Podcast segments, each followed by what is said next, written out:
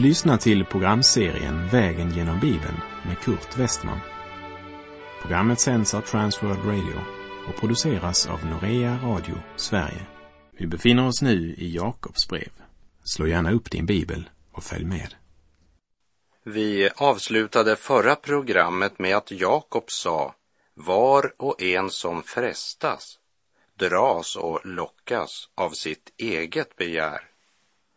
Här är det kött hjärtets synder Jakob talar om. Vem är ansvarig för att du dras mot det onda? Vem är ansvarig när du faller för onda frestelser? Gud är inte ansvarig. Djävulen frestar dig, men det som drar dig mot frestelsen, det är ditt eget onda hjärta.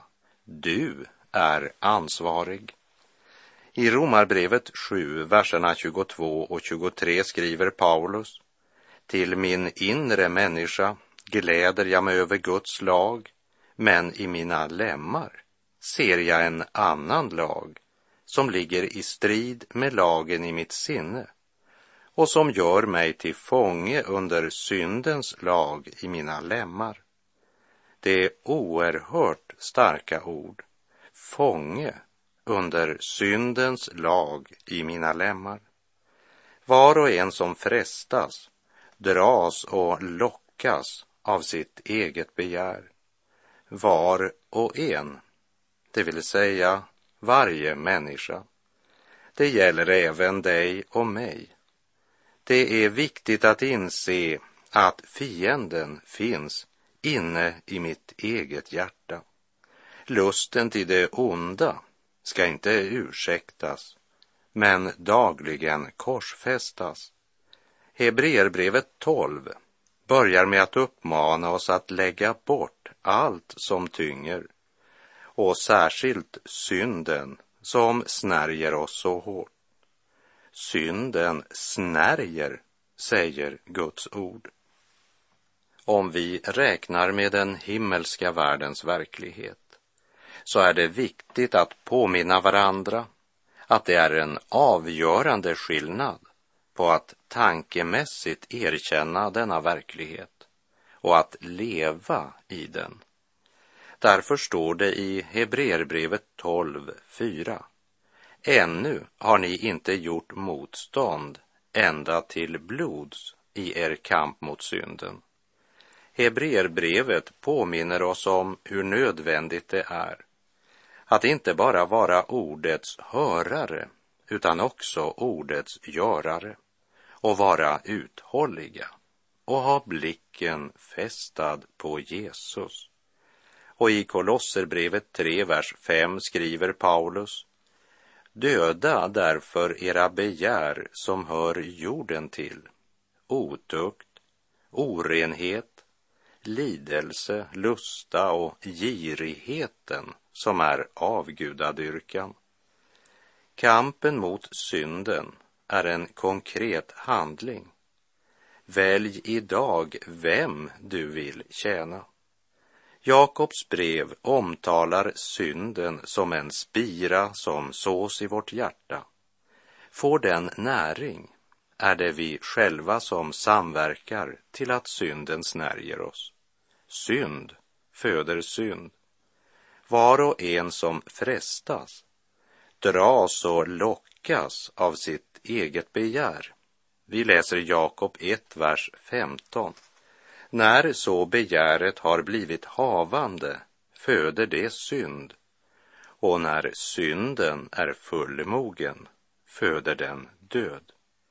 Syndafallets skada har trängt djupt in i oss alla, i var och en som Jakob uttrycker det. Och Johannes skriver i sitt första brevs första kapitel, vers 8. Om vi säger att vi inte har synd bedrar vi oss själva och sanningen finns inte i oss. Farligast är den synd som fördold lever i vårt inre. Synden har en rot och där denna rot får leva ostörd och får näring skjuter den skott. Synd föder synd. Lägg märke till att frestelsen inte kallas för synd. Och det är viktigt att vi får hjälp till att se skillnaden mellan frestelse och slaveri. Reformatorn Luther sa, du kan inte hindra fåglarna att flyga över ditt huvud, men du kan förhindra att de bygger bo i ditt hår. Det är skillnad på att frestas och på att leva i synd. Ja, det är faktiskt skillnad på att falla och att leva i synd. I Johannes 8, vers 34 till och med 36 säger Jesus Amen, amen säger jag er. Var och en som gör synd är syndens slav. Slaven bor inte kvar i huset för alltid, men sonen stannar där för alltid. Om nu sonen gör er fria blir ni verkligen fria. Det är en avgörande skillnad på att frestas och att vara syndens slav. För en frestelse kan du stå emot. Men slaveri är ett tvång du inte kan stå emot. För var och en som gör synd är syndens slav, säger Jesus. Må Herren ge oss nåd att skilja mellan frestelse och slaveri så att vi inte lever under syndens tvång samtidigt som vi tröstar oss med nåden och så bedrar våra själar. Likt Jakob var också Paulus vaken över den här faran. Därför skriver han till de troende i Galatien i Galaterbrevet 5, vers 13. Ni är kallade till frihet, bröder. Använd bara inte friheten så att den onda naturen får något tillfälle, utan tjäna varandra i kärlek. Andlig frihet och kötslig frihet är inte samma sak. Var och en som frestas, dras och lockas av sitt eget begär. När så begäret har blivit havande föder det synd och när synden är fullmogen föder den död. Bedra inte er själva, mina älskade bröder. När begäret har blivit havande föder det synd. Och när synden är fullmogen föder den död. När frestelsen får rum i våra hjärtan så börjar något att spira som leder till handling. Det vill säga, det föder synd. Och dessa synder blir en vana. Och dessa våra vanor formar vår karaktär. Och när synden är fullmogen föder den död. Så en tanke, och du skördar en handling. Så en handling och du skördar en vana. Så en vana och du skördar en karaktär. Så en karaktär och du skördar ett evigt livsöde. Jakob 1, vers 16 säger Bedra inte er själva, mina älskade bröder. Det är viktigt att komma ihåg att om vi lever i synd så är det oss själva vi bedrar. För Gud bedrar vi inte. Inför honom ligger allting uppenbart och det är inför honom vi ska avlägga räkenskap för våra liv.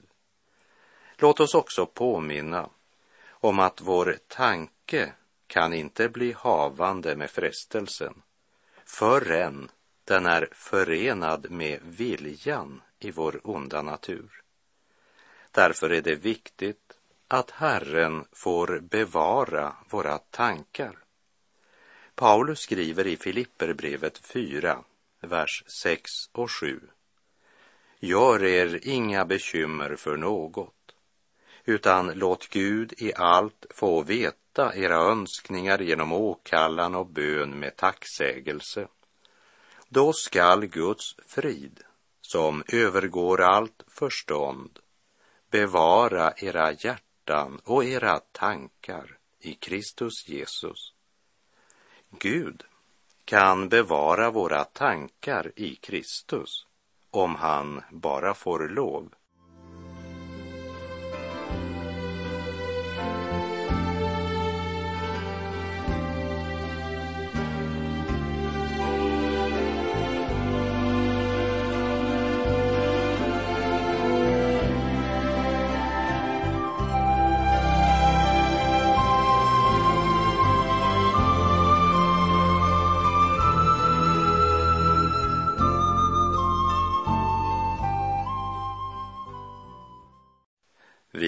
Läser i Jakob kapitel 1, vers 17. Allt det goda vi får och varje fullkomlig gåva är från ovan och allt kommer ner från ljusens fader hos vilken ingen förändring sker och ingen växling mellan ljus och mörker. När du och jag ger en gåva så ger vi egentligen bara vidare vad Gud har gett oss. Var är det vi söker vårt goda? I Gud själv eller i alla Guds gåvor?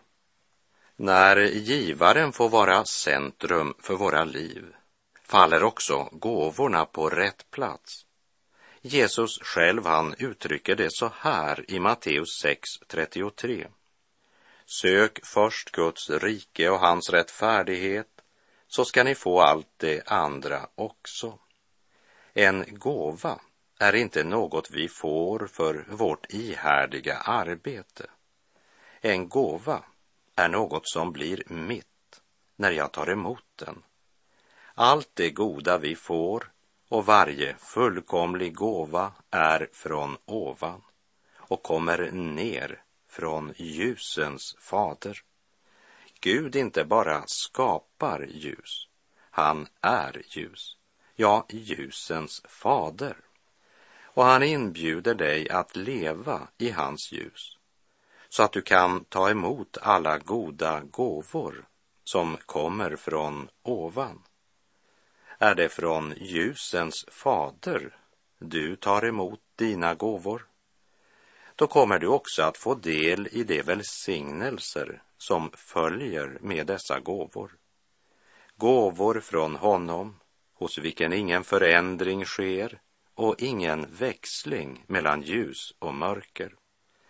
Frestelsen till det onda kommer inte från Herren. Från honom kommer endast goda och fullkomliga gåvor som inte tillskrivs vår egen duglighet, slumpen eller någon naturkraft. Det är Guds gåvor och Guds gärning från början till slut. Löftena kunna ej svika.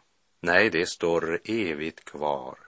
Jesus med blodet beseglat allt vad han lovat har.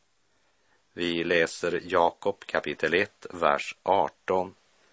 I kraft av sin vilja födde han oss på nytt genom sanningens ord för att vi skulle vara en förstlingsfrukt bland dem han har skapat.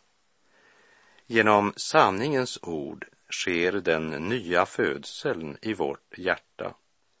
Guds ord, evangelium om Jesus, är den säd som bär frukt i våra liv. Därför säger också Jesus i Johannes 12, 36, tro på ljuset medan ni har ljuset, så att ni blir ljusets barn. Det var varken du eller jag som kom på idén att vi skulle bli Guds barn, utan i kraft av sin vilja födde han oss på nytt genom sanningens ord. Petrus skriver i sitt första brev, kapitel 1, verserna 23 till och med 25. Ni är ju födda på nytt. inte av en förgänglig säd, utan genom en oförgänglig, genom Guds levande ord som består. Ty allt kött är som gräset och all dess härlighet som blomman i gräset. Gräset vissnar bort och blomman faller av, men Herrens ord förblir i evighet. Och i Johannes kapitel 3, vers 14 och 15 står det och liksom Mose upphöjde ormen i öknen, så måste Människosonen bli upphöjd för att var och en som tror på honom skall ha evigt liv. Allting står och faller med Kristus. Det nya livet, livet i Kristus, är något som får konkreta konsekvenser i våra liv, så sant vår bekännelse är mer än en teori. Därför pekar Jakob på trons frukter i våra liv. Trons frukter är inte något som gör oss till Guds barn, men det är något som kännetecknar våra liv därför att vi är Guds barn. Och vi borde ju veta att det märks både på vårt tal och vårt humör att vi har Jesus i våra hjärtan genom den helige Ande som bor i oss. Vi läser Jakob 1, vers 19 och 20. Detta vet ni, mina älskade bröder, en människa skall vara snar att höra och sen att tala och sen till vrede. Ty en mans vrede åstadkommer inte det som är rätt inför Gud. Snar att höra talar både om att lyssna på våra medmänniskor men framför allt att vara ivrig att lyssna till Herrens ord. Behovet av Guds ord är ett av på födelsens kännetecken. Ett Guds barn blir aldrig färdig med Bibeln. Tvärtom så blir han mer och mer beroende av Guds ord. Och han studerar ordet, inte bara när han känner behov för det, men det är något han väljer och prioriterar. Och den som dagligen lever i det skapande, livgivande ordet fylls av denna livgivande ström på ett sådant sätt att han vittnar med David, min bägare flödar över. Guds ord är inte bara något som föder oss på nytt. Guds ord är också källan till helgelse och förnyelse. Det är endast Guds ord som i kraft av den helige Ande verkar det som är rätt i våra liv. För vår vrede, det är en köttets frukt. Och köttet, det åstadkommer inte något som är rätt inför Gud. Även om vi hittar många ursäkter för våra synder. När vi säger något som sårar vår medmänniska så kallar vi det för att säga det som det är. Vår gamla natur ska dagligen korsfästas. Den är dödsdömd, men den är inte död. Och vår gamla natur har lätt för att känna sig förnärmad eller stött och så kommer irritationen. Men vår vrede stänger välsignelsens kranar i vårt eget liv och det hindrar vår nästa att ta emot Guds ord. Medan att studera Guds ord och ta emot det i våra hjärtan kväver vreden.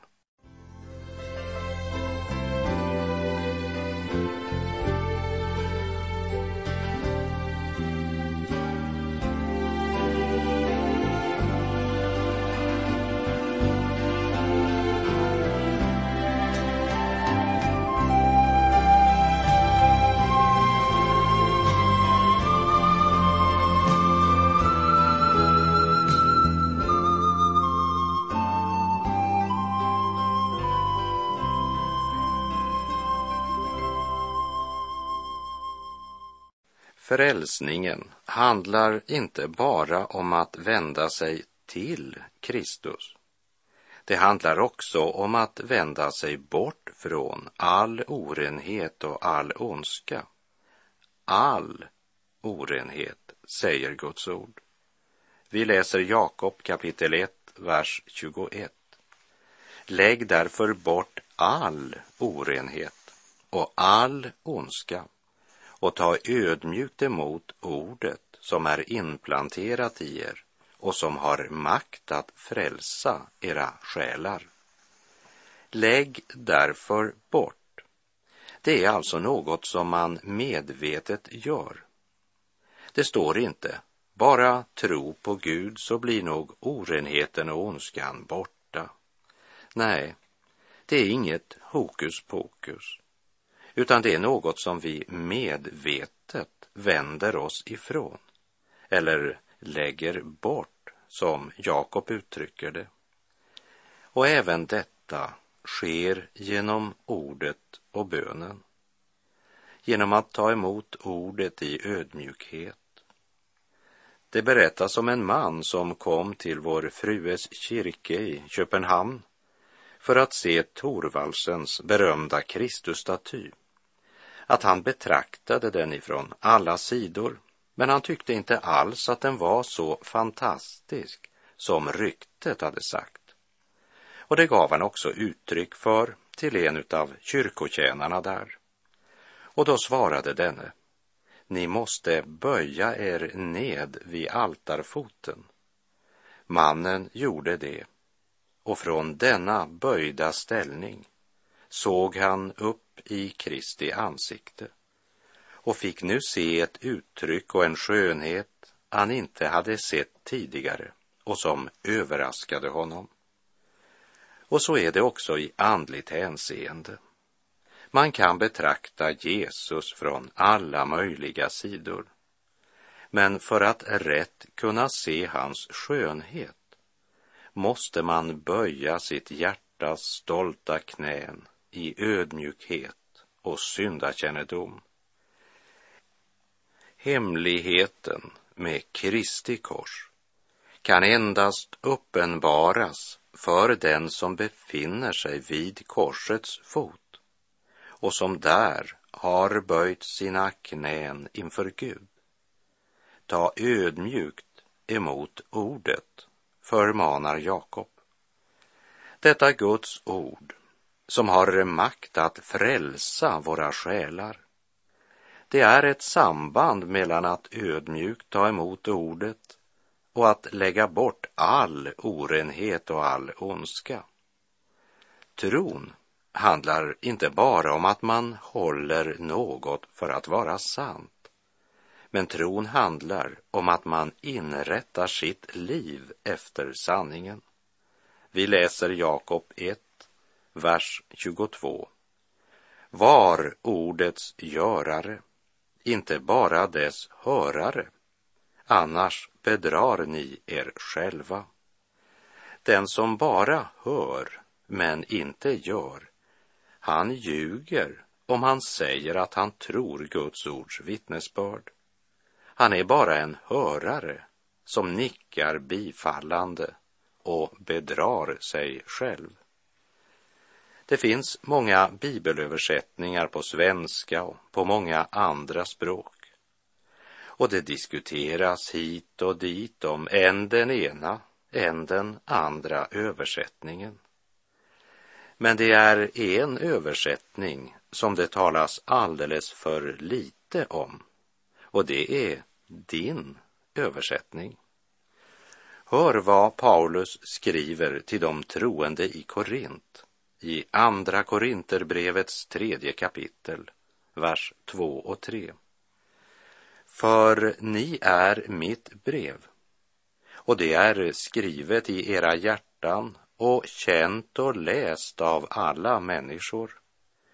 Det är ju uppenbart att ni är ett Kristusbrev, utskrivet av mig, inte med bläck utan med den levande Gudens ande, inte på tavlor av sten, utan i era hjärtan, på tavlor av kött och blod. En sådan tillit till Gud har jag genom Kristus. Du är väl en ordets görare. Det kanske är den enda översättning din granne eller arbetskamrat läser. Inför det perspektivet så var det en äldre man som sa, ja, får de inte något annat brev att läsa än mig så finner de aldrig fram till Gud. Det kan ju höras ut som ödmjukhet. Men i verkligheten så är ju det inget annat än en bortförklaring av vad aposteln Paulus säger när han hävdar det är uppenbart att ni är ett Kristusbrev. Jag är fullt medveten om att det är endast Guds ord som kan föda en människa på nytt. Men frågan är, lever vi ett liv som pekar på ordet? Eller ett liv som bildar en dimridå omkring Guds ord? Det finns de som försöker dölja sitt andliga haltande genom att anklaga Jakob för att vara lagisk. Men det är inte sant. Det är inte lagiskt att hävda att tron måste få en konsekvens.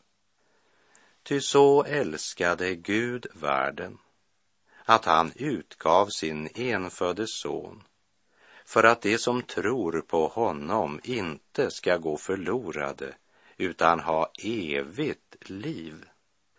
Och det som kännetecknar det livet, det är att den som tror gör som Jesus säger. Och i Johannes 14, vers 15 säger Jesus, om ni älskar mig kommer ni att hålla mina bud. Och med det så är vår tid ute för den här gången. Ingen hinner fram till den eviga ron, som sig ej eldigt framtränger. Själen måste utstå en kamp för den tron, varpå vår salighet hänger. Porten kallas trång, vägen heter smal. Hela Herrens nåd är ställd uti ditt val. Men här gäller tränga, ja, tränga sig fram. Annars är himlen förlorad. Och jag avslutar med att än en gång läsa Jakobs brev kapitel 1, vers 22. Var ordets görare, inte bara dess hörare annars bedrar ni er själva. Låt oss ödmjukt böja oss för Gud och ge honom rätt. Herren vare med dig, må hans välsignelse vila över dig. Gud är god.